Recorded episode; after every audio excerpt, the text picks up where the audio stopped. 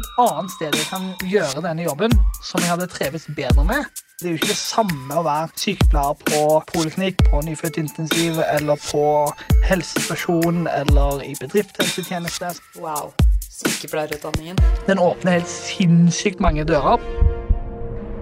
Nå kommer det et lite stikk.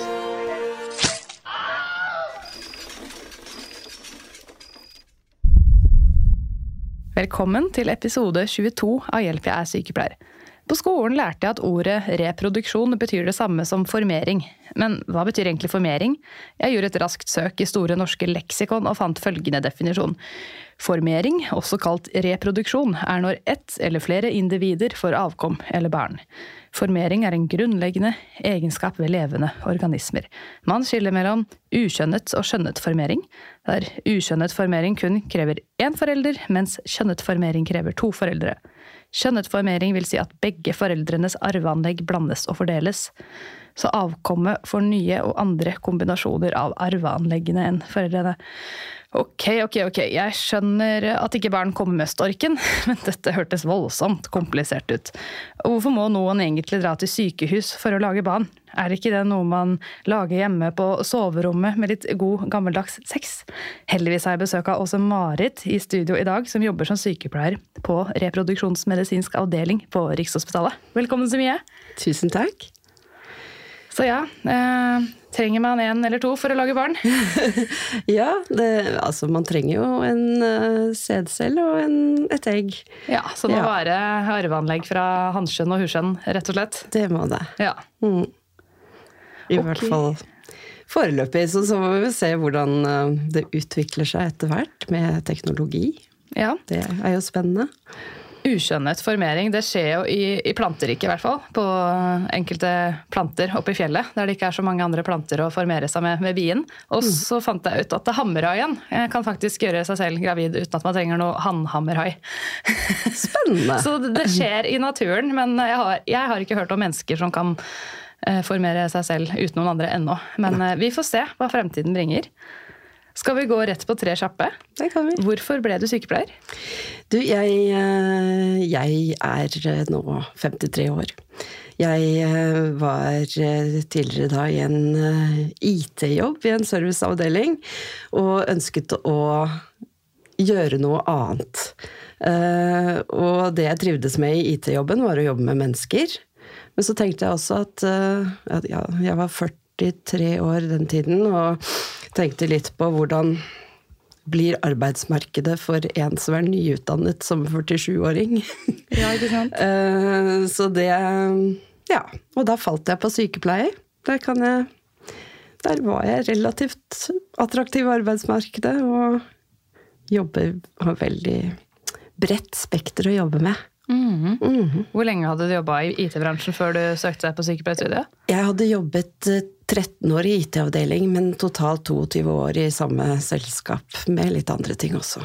Ikke sant. Og hvor lenge er det siden du ble ferdig utdannet sykepleier nå? Nå har jeg vært sykepleier i 6 15 år. Ja. Så jeg var ferdig i 2016. Mm -hmm.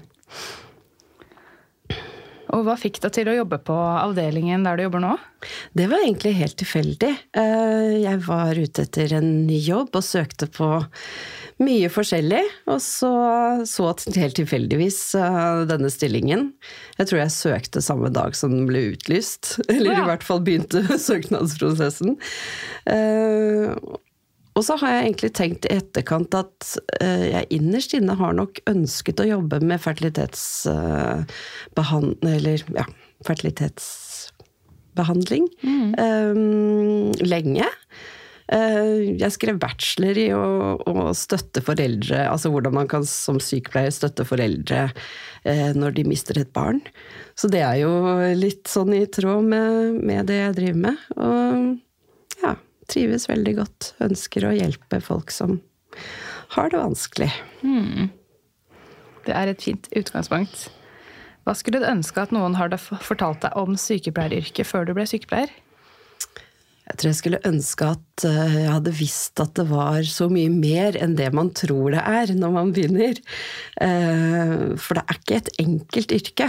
Det, man må være smart og kjapp og tilpasningsdyktig og evne til å multitaske og holde seg faglig oppdatert og være god på samarbeid og Ja, man må være på. Mm. Mm. Føler du at noen har litt sånn fordommer mot yrket, at eh, noen tror det er mye lettere enn det det egentlig er? Absolutt, det tror jeg. Og det er et uh, yrke hvor man uh, må være tøff. Ja. ja, jeg kan skrive under på det. Ok, men Nå vil jeg høre litt om reproduksjonsmedisinsk avdeling på Rikshospitalet. Hva er egentlig en reproduksjonsmedisinsk avdeling? Jo, Vi kan jo begynne med eh, at hvert tiende par i fertile alder har, er ufrivillig barnløse. Eh, og vi tilbyr individuell behandling basert på lang erfaring og vitenskapelig ekspertise. Eh, det vil si at vi utreder og behandler enslige kvinner og par med ufrivillig barnløshet. Og vi har ca. 40 egguttak hver eneste uke. Eh, vi tilbyr også behandling til eh, pasienter som skal gjennomgå kjemoterapi, som kan påvirke fertiliteten. Sånn at de kan få frosset egg eller sperm til å kunne bruke senere hvis de har behov for det. Altså pasienter som går gjennom cellegift? Ja. Mm. Og i tillegg så jobbes det jo med donorer og såkalt PGD, som er preimplantasjonsdiagnostikk. Det vil si at hvis en av foreldrene, eller begge, har noe arvelige sykdommer uh, Ja, så hvis en eller begge foreldrene har noen arvelige sykdommer som man ikke ønsker å videreføre, da, på en måte. Mm. Og I tillegg så har vi en eh, stor lab der magien skjer. Ja. og vi har lagring av både sædceller og egg. Wow. Men eh, du sa de som hadde genetiske sykdommer de ikke vil videreføre. Kan de da på en måte bli gravid med noen andres eh, sæd eller egg for å ikke videreføre? Det er Eh, nei, man kan eh, Altså, behandlingen som tilbys, er eh, enten behandling på Karolinska sykehus i Sverige, eller så har vi noe som vi kaller transport. PGD, hvor vi eh, henter ut egg, sender de til Danmark, så blir de genetisk testet i Danmark, og de velger ut embryo som da ikke er bærer av disse genetiske sykdommene. Oi, Oi wow, det har jeg ikke hørt om før. Og så sender de egg, embryoene tilbake til oss. Så dere tar ut egg og sæd fra et par i Norge, sender det mm. til Danmark, plukker ut det som er sykt, velger det friske, sender det tilbake inn til Norge, og så setter det inn? Ja, det stemmer. Oi, oi, oi. Ja, det er ganske heftig. Ja. Mm. Uh, og det Koster det penger? Det har jeg ikke oversikt over, men uh, eller er det staten som betaler? Det er nok, uh, altså Hos oss så er det jo i hvert fall staten som dekker Ja, det er jo et offentlig sykehus, så mm. ja. Så dette er rett og slett en avdeling som hjelper folk med å øh, få barn? Mm, ja. Det er det. Mm. Kan du si litt mer om eh, pasientene som kommer, og hvorfor sliter noen med å bli gravide? Ja. Eh, den gjennomsnittspasienten er kvinne mellom 30 og 40. Men vi behandler også menn og lesbiske og single. Eh, og vi, i tillegg så er vi så vidt jeg vet, den eneste um, de eneste som behandler pasienter med smitte som f.eks. hiv, hepatitt B og C, og i tillegg til ESBL, VRE og MRSA. De får bare komme til dere, uansett hvor i landet de bor? Ja. Oi. Mm. Og så er det krav om at de som vi behandler skal være gift eller samboere i et ekteskapslignende forhold. Og single kvinner, de skal bo helt alene. Mm. Mm. Og hvorfor de sliter med å bli gravide, det er jo øh, mye forskjellig, egentlig. Ja. Men de tre hyppigste årsakene er, uf, eh, er nedsatt sædkvalitet, øh, skadede eggledere og eggløsningssvikt.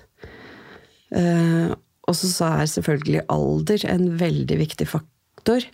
Eh, For vi får, mye, får barn mye senere enn det det. vi gjorde tidligere. Og eggkvaliteten og fertiliteten synker jo eldre enn er. Så spesielt etter 35 år så stuper fertiliteten. Det virker som det er en sånn magisk grense. At Det er det. det og eggkvaliteten blir dårligere, og det kan tenke deg at f.eks. for eksempel ved 42 års alder så er det en del Altså da er det kromosomfeil i ca. 80% av eggene 80? Etter hvilken alder, sa du? etter 42. Ja, nå må jeg begynne å notere ned. Jeg er 29 igjen så lenge, så får håpe jeg har noen gode egg igjen. Det er ikke meninga å le av det her. Ehm, Jeg bare har en tendens til å alltid sette meg inn i situasjoner. Men eh, for å ta det litt sånn enkelt, da. Er det kvinnen eller mannen sin feil i gåsetegn mesteparten av tiden? En sånn veldig grov oversikt, så kan man jo si at det er en tredjedel på kvinne og en tredjedel på mann, og en tredjedel av ukjent grunn, men det er egentlig ikke det, er ikke det eh, helt reelt. Eh, Så det er flere, litt flere faktorer som skylder, eh, skyldes kvinnelige faktorer.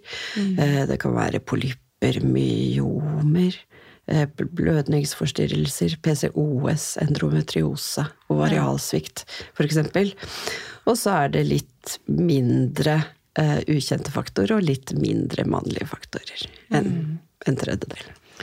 Men Mannfolka, da? Hva er det som eh, feiler dem? Eh, årsaker til mannlig eh, infertilitet det er sædkvalitet. Altså det kan være lav sædproduksjon, få bevegelige spermier. Eh, eller kan være at hin noe hindring som gjør at eh, sædcellene ikke når frem. Eh, ja, sånn. Ja, det kan være noen syndromer òg, kan det ikke det? Jo da, absolutt. Vi har jo noen syndromer som gjør at man ikke har um, sædcelleproduksjon i det hele tatt, blant annet. Jeg det. Ja. Men eh, hva er egentlig en sykepleiers eh, oppgave på denne avdelingen? Du, vi eh, assisterer legene i egguttak, det vi kaller OPU, ovum pickup. Og så assisterer vi i det som kalles TESA, eller PESA, det vil si at man aspirerer sæd fra testikkel eller bitesykkel hos menn. Vi assisterer ved tilsyn. Hvis ja, for eksempel pasienter, og det er ofte eldre pasienter som skal utredes for eksempel for å få ny eh, ja, ny eh, se, nye lunger eller Ja, ikke sant? Eh, Så, og da trengs det et gynekologisk tilsyn, så hjelper vi legene med det. Eh, Ja, vi svarer på spørsmål i telefon, også skriftlig. Vi har sprøyteopplæring for pasienter. Vi har eh, samtaler eh, før og etter egguttak. Um, ja. Og skal jo um, prøve å ivareta, ivareta pasientene psykososialt også. Ja. Kan vi gå litt inn på egguttak? Hvordan gjør man det, og hvilken vei går man inn? Du, på egguttak så øh, Ja, da er jo først kvinnen stimulert med hormoner i forkant. Ja, hva slags hormoner da? Eh, For follikkelstimulerende hormon. Eh, Er det den nesesprayen? Nei. Nei. Nesesprayen er eh, noe som hindrer dem i å få eggløsning. Å ja, nei, da tok jeg veldig feil. Mm, Det går fint. ja, det er ikke så lett å holde tunga rett i munnen her. Men eh, ja, og så mm, etter de har gått på, på mm, Altså det er ja. Er det piller eller sprøyter? Follikelstimulerende hormon? Eh, det er sprøyter. Det er sprøyter, ja. Eh, Subkutane sprøyter. Subkutane sprøyter stemmer, ja. Og eh, det bruker man i 10-14 dager. Noen har da en nedregulering i forkant med nesespray ca. I, i hvert fall to uker eh, før. Og så, eh, ja. Så når de har blitt eh, behandlet ca. 10-14 dager med, med follikelstimulerende hormon, og eggposene er blitt mer enn 17 millimeter store, så får man satt eggløsningssprøyte. Og 36 timer etter det så er det egguttak. Og da går man inn eh, via skjeden. Man får jo forresten både tabletter og eh, lokal bedøvelse i begge eggstokker. Eh, og så går legen inn med nål via, via skjeden og inn i eggstokkene og suger ut innholdet av hver eggpose. Oi. Eh, Syns kvinnen det gjør vondt? Ja, det er veldig individuelt. Eh, Noen syns det går greit, og noen syns det er fryktelig vondt. Så Ja. det er vanskelig å si i forkant, men de aller, aller fleste takler det ganske greit. Men alle er våkne, på en måte? Alle skjer? er våkne. Ja. Mm. ja og hvor, eller hva skjer med egget etter det er tatt ut? Jo, etter vi, vi eh, sykepleierne de, altså, Det vi aspirerer ut fra eggposene, det havner jo i sånne rør. Eh, Prøverør? som- ja, Er det ikke det sant? Ja. Det er nesten det. Eh, og som vi eh, eh, sykepleierne gir til en mikrobiolog som sitter bak oss, som ser på det vi har aspirert ut i mikroskopet for å finne eggene. Og så senere samme dag så blir egg og ja, paret sammen med sæd, enten da via at det bland, legges da i samme, samme skål, og sædcellene finner veien selv, eller ved at eh, en sædcelle blir direkte plantet inn i et egg. Ja, Hvis så det er for det som, de som vil bli gravide med en gang, mens andre egg frys, fryser dere ned egg hos dere? Ja, det Ja. gjør vi. Mm. Så hvis det er mulig å få frosset ned egg, så gjør vi det. Hvor stort er et egg egentlig? Kan man se det uten mikroskop? Eh, ikke uten mikroskop, det er en tidels millimeter cirka. Ja, jeg lærte på skolen en gang at det var som et punktum, men det er kanskje enda mindre? Det er enda mindre, jeg tror jeg. Ja. Ja. ja, det er ikke som et hønseegg. ikke akkurat. Ok, og så er det Skal vi snakke litt om IVF, eller inseminering? De blir vel kanskje, var det sånn at man prøver insemineringsprosessen først? Hos noen pasienter hvor det er eh, Hvor det kan være eh, mulig, holdt jeg på å si. Fordi eh, for inseminasjonspasienter så skal det Ja, det skal være litt sånn uforklarlig grunn til at de blir gravide, kanskje. Um, Eller ikke blir det, kanskje? eller, unnskyld, Ja. at det ikke blir det. Uh, og ellers være ja, ganske ja, ganske friske. Og ha god, god eggreserve og ja. Ja, Så det er disse kvinnene som er friske, som bare ikke blir gravide av ukjent grunn? Ja, eh, Ja. det kan også være andre, men mm. det er eh, Eller ja, de er lesbiske, for eksempel. Kan ikke eh, gjøre dette på egen hånd. Um, så det er inseminasjon. Det kan også um, være et eh, et par der hvor eh, han eksempel har eh, problemer og ikke kan gjennomføre et samleie selv. Eh, Da kan det også være inseminasjon. For inseminering, da, da fører dere sæden til mannen rett inn i skjeden med et instrument? Ja. Mhm. Og det, vi er jo litt stolte over akkurat insemineringen, for det eh, Jeg tror at vi er eh, de eneste sykepleierne i Norge som utfører denne behandlingen eh, selv. Det, har vi, det er en oppgave vi har tatt over fra legene ganske nylig. Så det begynte jo med at en sykepleier hos oss, som jobbet her tidligere, var på befaring i Danmark. For da gjør sykepleierne det? der gjør sykepleierne det. Og så kom hun tilbake med iver og glede og lurte på om vi også kunne gjøre det hos oss. Og fikk bred støtte fra både avdelingsleder og alle legene på jobb, så da begynte vi med det. Så bra. Er du en av de som gjør det? Ja, det er jeg. Ja, så gøy. Jeg bare ser for meg, for jeg har bare sett eh, sånn på film, kvinner som prøver å gjøre det her hjemme selv. Eh, at man da får sæd fra naboen, og så tar man det inn med en sånn kalkunsprøyte. det er kanskje litt annerledes eh, utstyr dere bruker enn kalkunsprøyte? Ja, det Ja. gjør vi. Og vi injiserer også inn i livmor. Ikke sant? Så dere går litt lenger inn enn bare ja, Ja, vaginalkanalen? Mm. Mm. Så vi innfører sæden med et lite kateter eh, som stikkes inn i livmormunnen, da. Og eh, sæden er jo på forhånd både vasket og konsentrert. Så det blir litt annerledes enn Reine greier. Vasket sæd. Ja. Ja.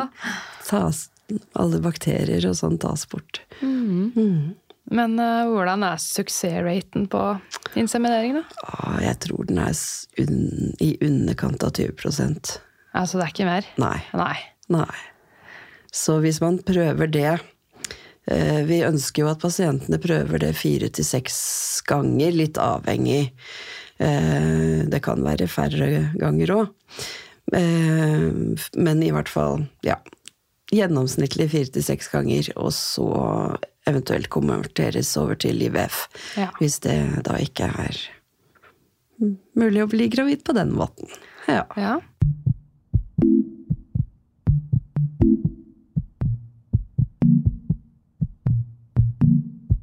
Da kan vi jo gå rett over på IVF-delen. Eh, Ja. Da vil jeg høre om det.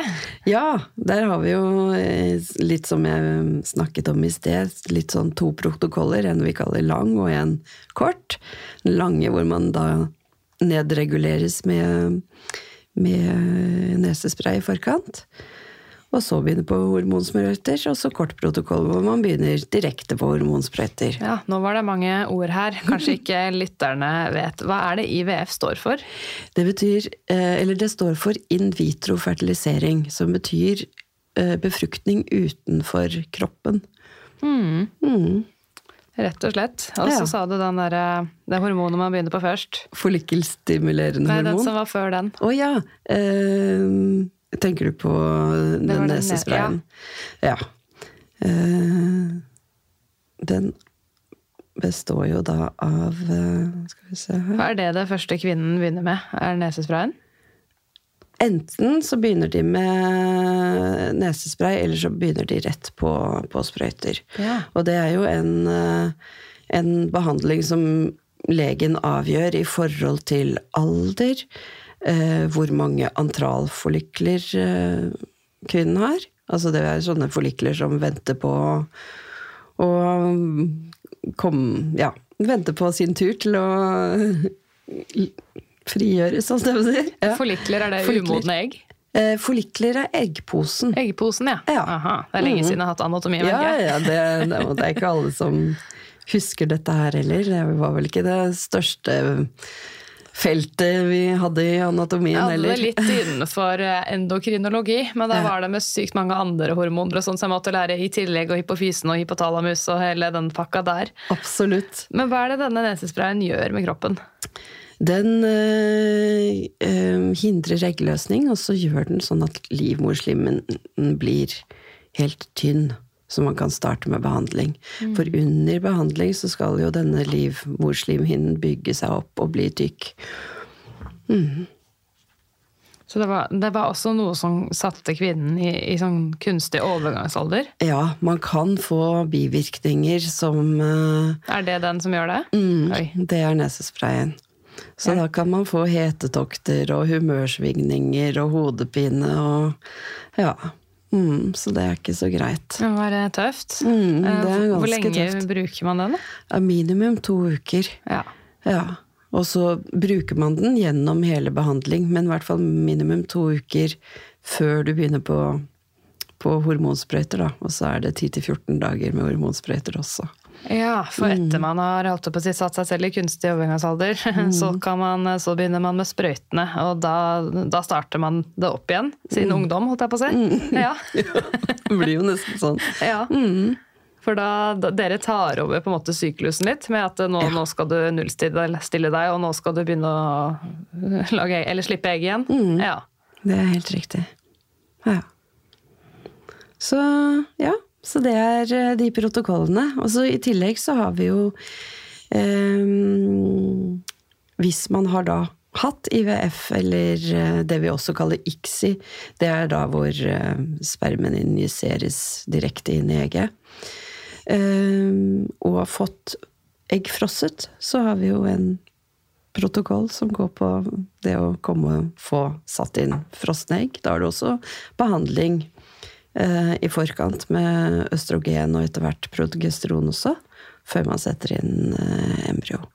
Ja, Så noen ganger bruker dere egg som har vært frossent, og noen ganger ikke? Mm. Ja. Mm.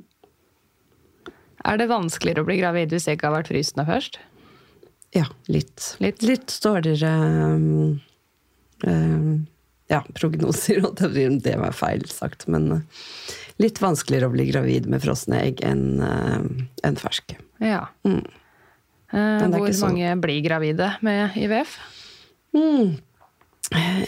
Generelt så sier man at syv av ti blir gravide etter tre, de tre forsøkene som uh, staten Ja, For det er tre forsøk som staten spanderer på deg? Mm, Ja. det er det. Og det er ferske forsøk som både har egguttak og egginnsett. Så hvis du f.eks. Um, må avbryte før du får eh, egguttak, så teller det ikke. Hvis du må avbryte Eller hvis, hvis eh, f.eks. eggene ikke deler seg og ikke kan settes inn igjen, eller det ja, skjer noe annet, så, så, og det avbrytes, så Da telles ikke det forsøket? ikke det heller. Nei, det er jo litt fint å vite, da. Ja, og alle forsøk med frosne egg, eh, eller for, frosne embryo, eh, de teller telles heller ikke. Og er embryo også frossent? Mm, vi, eh, vi befrukter eggene før vi, før vi fryser dem. Oi. Mhm. Men eh, denne sammensmeltingen, eh, skjer det i et lite glass, eller Blir det Hvordan er sånn, sånn skål, sånn rund, rund, lav skål, som kanskje folk har sett. Ja, sånn man ser bilde av i forhold til antibiotika og bakterier og sånn, det type Ja. glasset? Oi. Så ser man i, i mikroskop da, at, de, at den svømmer til egg og smelter sammen. Ja, jeg vet ikke Jo, man ser vel det. Men Ja. så ser man også på egget hvordan det oppfører seg etter at det er blitt befruktet. Og om det deler seg som det skal, og om det har to kjerner eh, etter det er delt seg i to. Ja, litt sånn som man ser på liksom kvaliteten på egget også da etter at det er blitt befruktet. Men får dere sett noe om det kommer til å bli flerlinger eller ikke før dere setter det inn? Eh, Vi setter eh, fortrinnsvis inn ett embryo. Ja. Hva som skjer med det etter det er satt inn, det har vi jo ikke så styr på. Men eh, fortrinnsvis så settes inn ett embryo. I noen tilfeller så kan det settes inn to. For eksempel eh, hvis det er siste forsøk, og eh, eh, det ikke er noe annet som eh, sier at man ikke kan sette inn, eh, så kan man få satt inn to, men det er sjelden. Vi ønsker jo ikke å lage tvillinger, eh, fordi det i seg selv er et risikosvangerskap. Er det noen som spør om dere kan lage to, for de har lyst på tvillinger? Ja, Ja, det skjer, ja. det er det. Jeg føler det har blitt litt sånn glamorø- gla glamorisert, det å få flerlinger. At jeg husker da jeg og venninnene mine var små og gikk på barneskolen, når jeg blir voksen, så håper jeg får tvillinger. Ikke sant? Ja. Ja.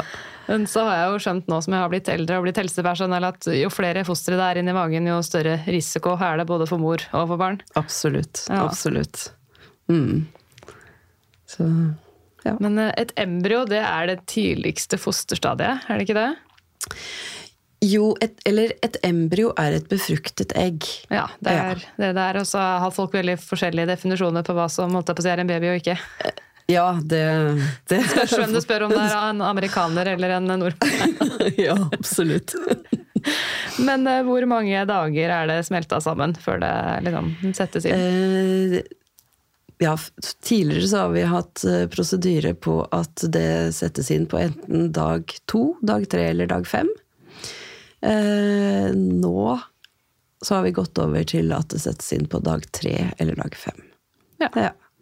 Og det er ikke alle egg som overlever den derre prosessen med å bli dyrket frem til dag fem. Så det er jo en, eh, en avgjøring som eh, Eller en avgjørelse som laben tar. Um, uh, når de ser på kvaliteten på egget. Mm.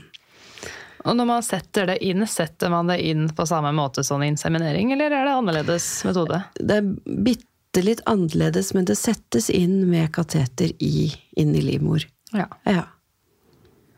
Og når får man på en måte vite om det gikk bra eller ikke? Er det på en måte ultralydundersøkelser på samme måte som alle andre, eller får man hyppigere ultralyder? Nei, eh, vi tar en blodprøve, rett og slett, og se på HCG-verdien. Eh, og den skal da optimalt tas på dag 16 etter eggløsningssprøyten er satt. Mhm. Så ca. 14 dager etter egguttak, da. Mm. Og da Ja, jeg skal ringer vi dem. etterpå. Ja. Ja, jeg tror nok at mange lurer på hva som må til for å få IVF-behandling, eller hvilke kriterier er det du må fylle? Du, det er eh, se, Først så må man jo eh, ha en utredning hos eh, helst gynekologspesialist. Eh, og da er det jo en del faktorer som blir avdekket i den utredningen om hvorfor man ikke kan bli gravid. For er det sånn at man skal ha slitt et år eller noe? Mm, man Ja. skal ha hatt et barneønske i ett år. Uh, og så må man jo være Prøve å lage det, da. Ja, ikke sant? og så må man være gift eller samboere i et ekteskapslignende forhold, som det så fint heter. Og i tillegg så må man jo være psykososialt egnet. Eh, Det er en egnethetsvurdering i dette her også. Hvordan avgjør man, avgjør man det, om man er psykososialt egnet? Ja, man ser jo på um, eh, Ja. Når vi kommer til bioteknologiloven, holdt jeg på å si, så fra som eh, Vi fikk store endringer i eh, juli, 1. juli 2020. Og da ble det lagt til et punkt der man må innhente politiattest, sånn barneomsorgsattest, som det heter, eh, fra hvert av parene, holdt jeg på å si, eller både kvinne og mann. Um, eller, For at man da ikke har gjort noe fælt mot et barn. Sikkert sånn jeg måtte levere før jeg begynte å jobbe på nyfødtintensiv. Ja. Mm. Og i tillegg så ser man jo på psykisk historikk, holdt jeg på å si. Mm. Ser litt i journalene. Jeg ser litt i journalene. Ja. For det er klart at eh, når det skal lages barn på statens bekostning, så ønsker vi jo at eh, at alle forhold er eh, tilrettelagt, da. Ja, Ja. jeg skjønner jo det. Samtidig som det lages jo barn eh, hele tiden over en lav sko ut i de mange steder. Ja. ja. Eh, skal vi se, jo videre krav, så er det jo litt sånn Alder har jo vært et krav tidligere. Der har det jo tidligere vært at man ikke skal være eldre enn 39 på søknadstidspunktet. Men nå eh, har man gått litt bort fra det kravet, og hver søknad behandles individuelt. Så nå kan man være eldre enn 39. Man kan være det. Hvis man har helsa i behold, sikkert. da. Ja. Det stemmer. Og så skal man helst ha en BMI som er under 32. Vekt er også eh, en faktor i fertilitet. Og man må være medlem av Norsk Folketrygd. Eh, og så, hvis man har en kjent tilstand, f.eks. som har blitt avdekket på av eh, lege tidligere, som PCOS, endometriose, lav ovarialreserve, tidlig overgangsalder. Sånne ting, så bør man ikke nøle med å bli henvist til oss. For da, da, da trenger man eh, ikke å ha ønsket barn i et år, f.eks. Nei, da får man komme fortere i køen. på. Da trenger man ikke ha prøvd et helt år hvis man har noen av de diagnosene. Mm, det stemmer. Men kan jeg spørre, hva er det eldste du har sett av alder på Det er eh, i begynnelsen av 40-årene jeg har sett. Altså det kommer ikke 50-åringer, på en måte? Nei. Nei. Ikke sant. Ikke det helt tatt. Det er, eh, nå vet jeg ikke åssen det der er i utlandet, men jeg tror det er litt forskjell fra land til Der er det forskjell. Ja. Ja. Ok, er det noe um, krav til eh, far, da, eventuelt, som skal gi denne spermen? Er det noe skikkethetsvurdering der? Eller er det bare på Det er eh, skikkethetsvurdering av begge, eller ja, skikkethet. Skikkethetsvurdering. Så gammeldags og strengt ut. Ja, eh, men det er utredning av, far også, så begge, begge par eh, behandles likt. Og Så bra, Ja. fordi jeg hørte det her er kanskje noen år siden nå, at det var noen som gikk til den IVF, og så var det bare mor. De måtte liksom Uh, ja, se være skikket, da. Det var ikke så Ja. farlig med far. på en måte. Jeg bare, Hæ? Det er jo to her. Det er to, det er Ja. helt klart. Eller noen ganger så kommer det kanskje en singel kvinne også. Eller, Ja, Mm. ja, absolutt. Det begynte vi også med etter den endringen i bioteknologi. I 2020? i 2020. Så det er egentlig ganske nytt da, at single kvinner kan gjøre IVF. Ja, det er det. Mhm. Men det blir vel kanskje flere og flere single kvinner som velger å få barn? Absolutt. Det, Mm. det gjør det. Og det er jo et sterkt ønske hos mange. Ja. Mm. og det er veldig fint at vi har et sånt tilbud også. Som man kan hjelpe folk. Hjelper mange, altså. Absolutt. Men kan vi gå litt mer på sædcelleuttak? Er det sprøyte rett inn i balla, for å si det på godt norsk? For å si det på godt norsk. Ja. Ja. Jeg syns de det er skummelt. Ja, det er nok mange som eh, gruer seg litt til det og er litt svette på forhånd. Eh, men de får god, god bedøvelse. Eh, og så, ja, så stikker man rett og slett eh, eh, en nål inn i testikkel eller bitestikkel og suger ut innhold derfra. Så kan labben se på det i mikroskopet igjen. Ja. Ja. For var det sånn at eh, menn som har eh, tidligere gjort operasjon for å sterilisere seg, da kan dere fange disse sædcellene med Det- å gå inn på den måten? Mm, det kan vi. Så sterilisering, gutta, det er ingen unnskyldning. Vi får tak i svømmerne uansett. Men ja, åssen er eh, suksessraten der? Får dere gjort dama gravid på den måten? Ja, Ja. det gjør jo det. Dere altså, er litt sånne magikere. ja, er det poliklinikk? Det er en poliklinikk, ja. Det Ja, Så det er mandag til fredag dagtid? Eller var det sånn at dere hadde litt helgeåpent òg? Vi har åpent i helgene også. Eh, og vi har egentlig åpent alle dager hele året. Vi er i beredskap eh, på røde dager òg.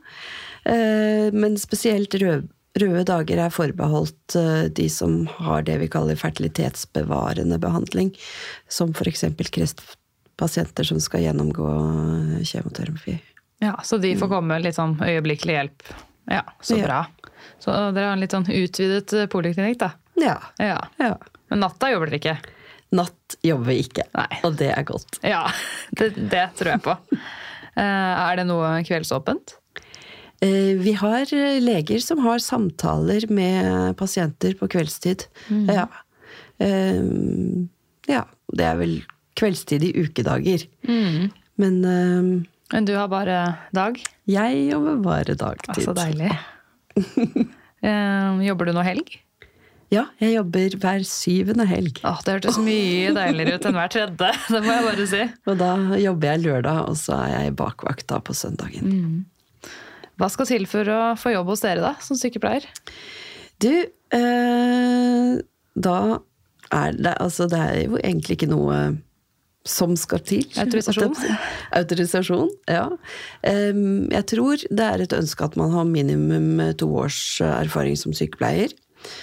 Eh, og så er det ønskelig også at man eh, har jobbet i feltet før. Men det er ikke noe krav. Jeg hadde ikke Jeg kom fra infeksjonsavdeling, så For det ligger jo liksom ikke på rekke og rad, disse reproduksjonsklinikkene. Det er ikke så mange av det dem. ikke. Det er mange private, Ja. men eh, det er ikke så veldig mange offentlige. Nei, ikke sant. Hvor Er det noen andre i OS enn på Rikshospitalet? Eh, eh, vi har jo eh, Ullevål, holdt jeg på å si, men det er jo det samme. Uh, Ja, er det reproduksjonsklinikk der òg? Ja, vi har lokasjon på begge steder. Gjør litt forskjellige ting. Uh, på Ullevål så har vi eh, smittepasientene kommer dit. Eh, der jobbes det også med donorer. Eh, ja. Og så er sædlaben vår også der på Ullevål.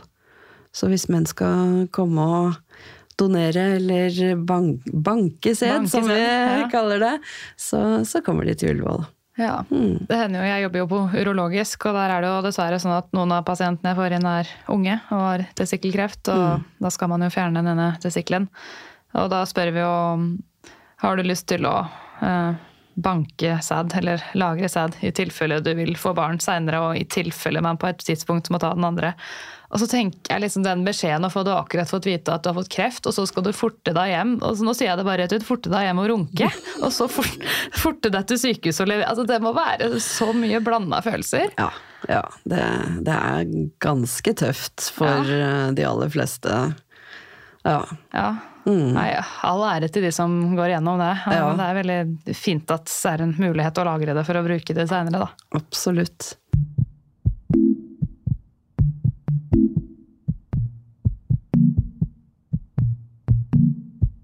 Da kjører vi Q&A. Ja. Skal vi se, Spørsmål 1. Har det skjedd endringer og utvikling av denne delen av helsevesenet de siste ti årene? Ja. Ja, i hvert fall bioteknologiloven Yes. har vi vært inne på. Ja, store endringer. Så fra 1. juli eh, 2020 så ble det vedtatt eh, disse endringene i bioteknologiloven.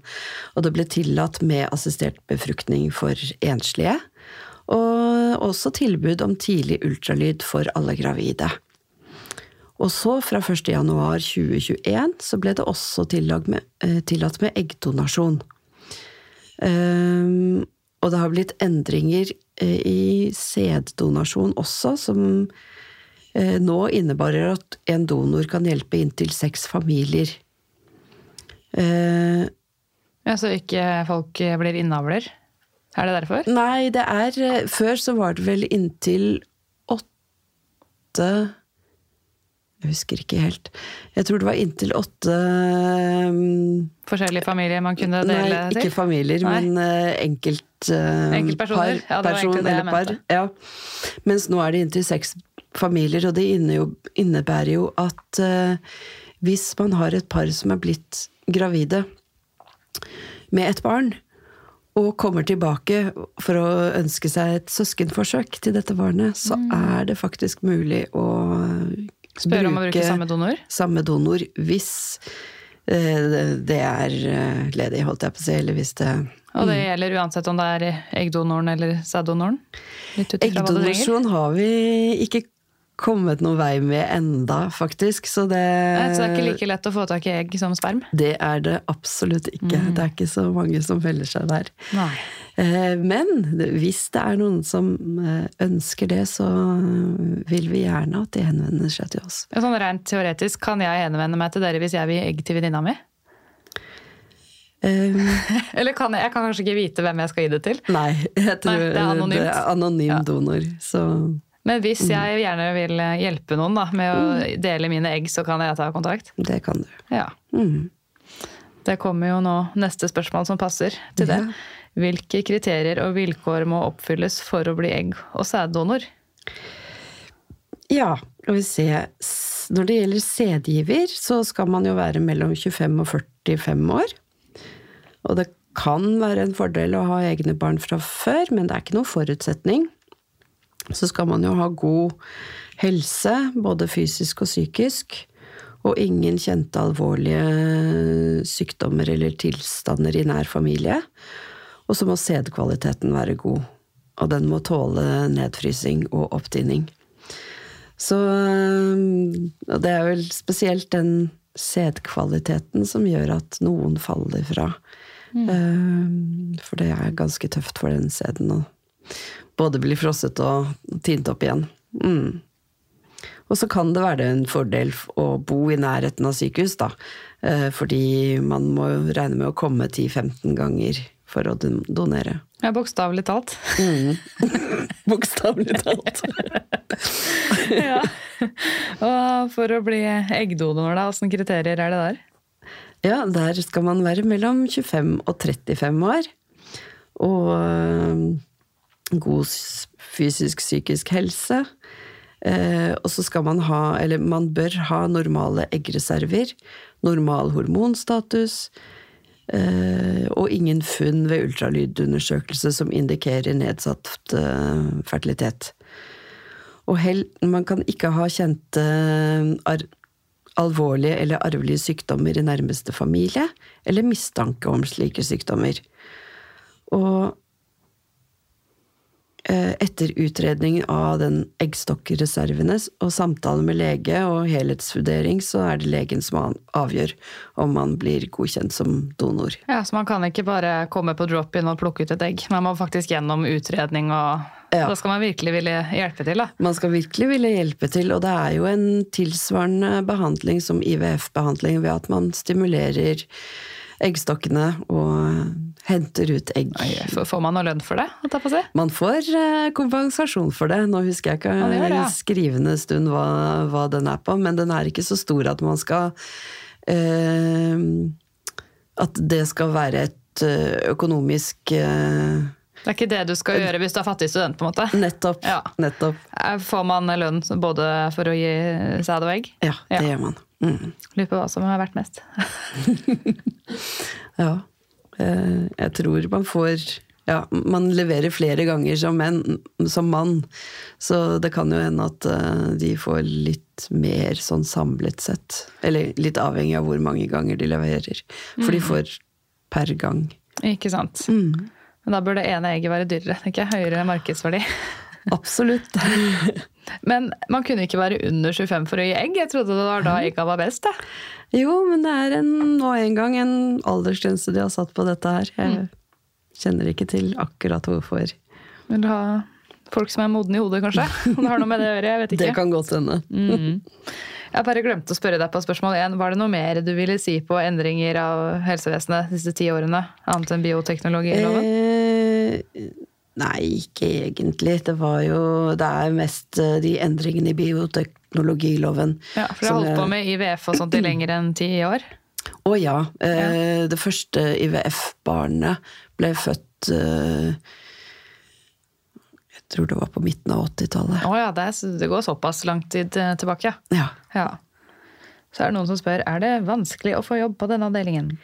Du, det er ikke egentlig vanskelig å få jobb, eh, men det er veldig få jobber som blir utlyst, for vi er en veldig lite Dere, det blir der lenge når dere først har fått Vi jobb blir der? der lenge, vi trives godt på jobb, og vi, det er ikke så mange av oss. Nei, vi er, Hvor mange sykepleiere er dere? Jeg tror vi er ti cirka nå. Ja, det er ikke mer, det. Nei. Nei. Men vi har vært mye færre enn det. Det har kommet mange sykepleiere til etter endringen i bioteknologiloven. Ja, ja, for da er det større forespørsel fra pasienter, kanskje. I hvert fall nå som dere har fått mer ansvar da, med prosedyrer og sånt. Men det, Absolutt. det er jo stas da, at vi får litt mer ansvar på ting vi faktisk kan gjøre, som er relevant. Ja. Jeg vil ikke ha mer ansvar som å være parkeringsvakt og sånn, som jeg hører noen sykepleiere. Nei takk. Nei, det er håpløst.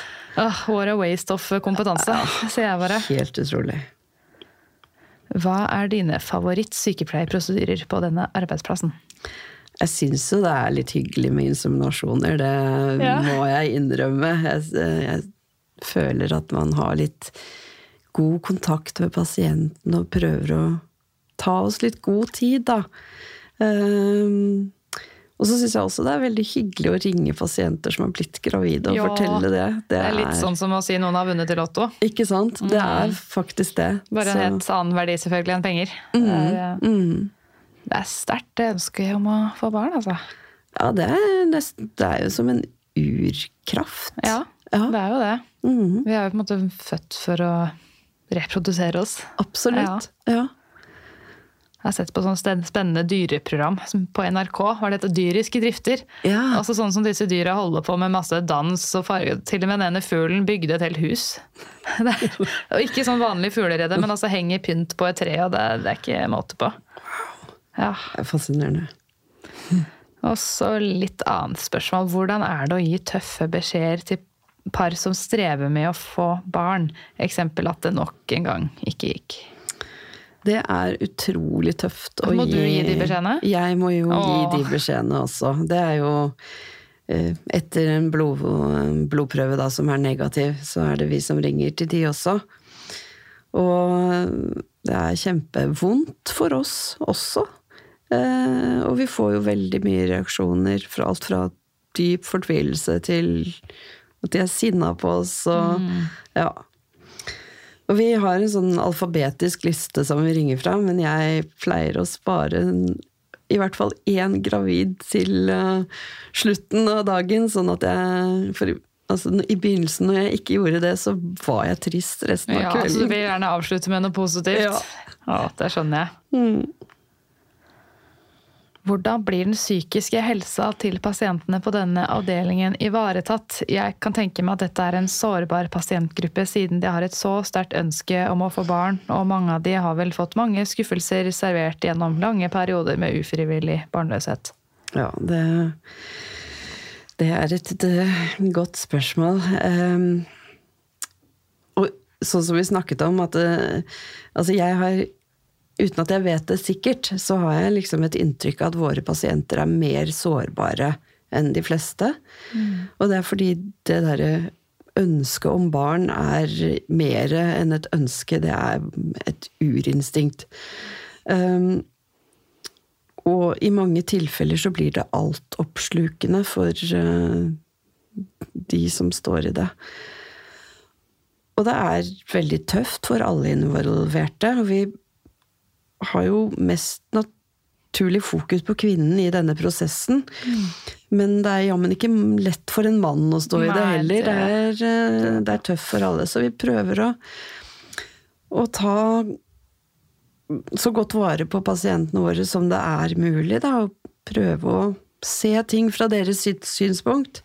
Men eh, så er det denne berømte tiden, da. Det er ikke alltid det strekker til, så Men har dere liksom Gir dere dem tilbud om noe psykolog? Har dere noe sånt nå på avdelingen?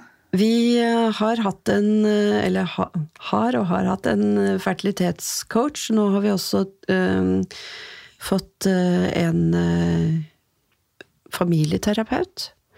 Uh, som vi kan gi tilbud om, og at vi kan få lov til å snakke med dem. Så det er noen å snakke med? Det er noen å snakke med også, i tillegg til oss som jobber der. Men kan det her på en måte gå så langt at det går over i en depresjon eller i en psykose? Har dere sett det? Psykose har jeg ikke sett, men Nei. absolutt depresjon Ja. og eh, mange pasienter som blir ordentlig satt ut psykisk av dette her. Ja. Kan dere da henvise de til psykolog? Ikke som sykepleier. Nei, men, Men, kan legene gjøre det? eh, Eller er det litt sånn sorry, da må du ta det med fastlegen, som man ofte får høre? Jeg eh, er usikker, faktisk. Ja, ja det er lov å Ja. være usikker. Mm. Men det er jo tydelig da, at det, den psykiske helsa må følges på like linje som den fysiske, også Absolutt. med denne delen av kroppen. Absolutt. Ok, litt morsomt spørsmål. Hva er dine beste tips for å holde seg fruktbar? Oi! Jeg kan tenke meg at du kan begynne um, prosessen så tidlig som mulig. For alder er jo så viktig. Ja. Kanskje ikke. Uh, alder er jo utrolig viktig. Uh, og så er det jo viktig med Kommer ikke bort ifra at kosthold er viktig. At det eh, I og med at fertiliteten synker jo høyere BMI man har, Spis frukt for å holde deg fruktbar. for eksempel. Ja. Og så er det jo ting som for, eksempel, for menn, da, eksempel anabole steroider og rusmidler og Ja, ikke røyking og sånn. Det skal man jo ikke gjøre. Mm. Så der holdt jeg på å si de kjedelige tipsene. Det er de Bra kjedelige tipsene. kosthold, eh, trening, start Ja. tidlig. Ja. Ja, Man vil jo ha jobb og karriere, vet du. Det er dyrt Ja, med barn. jeg vet. Ja. Det skal ikke være lett det her. Nei. Nei. Men jeg hørte jo om det her eh, av samboeren min som hadde fått barn, og hun var vel jeg skal hun var 32 eller 33, men hun, hun var i hvert fall yngste i barselgruppa. Ja. Ja. Så vi er der. Ja. Ja. Men det var nå en barselgruppe, da. De Ja, hadde ikke fått barn. Og, ja, det Hils på den lille gutten. Han var så søt at det ja. Koselig. Mm. Hvilke videreutdanninger, nei, hvilke videreutdanninger er relevante for å kunne jobbe på en slik avdeling? Hilsen snart student. Ja, man trenger egentlig ikke noe videreutdanning for å kunne jobbe som sykepleier hos oss. Eh, men når man jobber som sykepleier her, så er det videreutdanninger man kan ta, sånn sertifisering innenfor for eh, reproduksjon, da. Mm. For sykepleiere. Mm. Ja, Ellers så skader det jo sikkert ikke om man er jordmor eller noe sånt. Det skader ikke. men de har vel kanskje mest lyst til å jobbe som jordmor. Ja, det, det håper jeg. Ja. Mm, jeg hører jo det er sånn jordmorflukt, men jeg håper at noen jordmødre fortsatt elsker jobben sin og blir. Så håper jeg at disse myndighetene og lederne tar ansvar og bemanner opp skikkelig, altså. Ja, ja absolutt. Men uh, da sier jeg bare takk for at du kom. Blessed be the fruit. Og så håper jeg, hvis jeg noen gang må bli inseminert, at det er du som gjør det for meg. Oh, takk. takk for meg.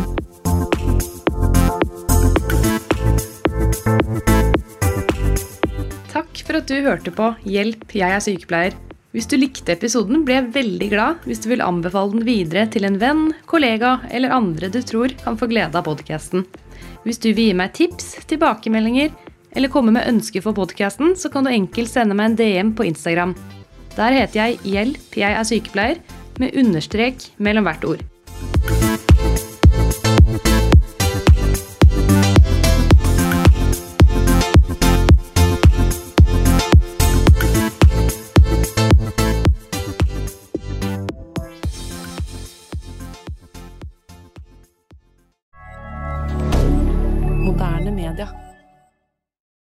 Har du et enkeltpersonforetak eller en liten bedrift? Da er du sikkert lei av å høre meg snakke om hvor enkelt det er med kvitteringer og bilag i fiken, så vi eh, gir oss her, vi.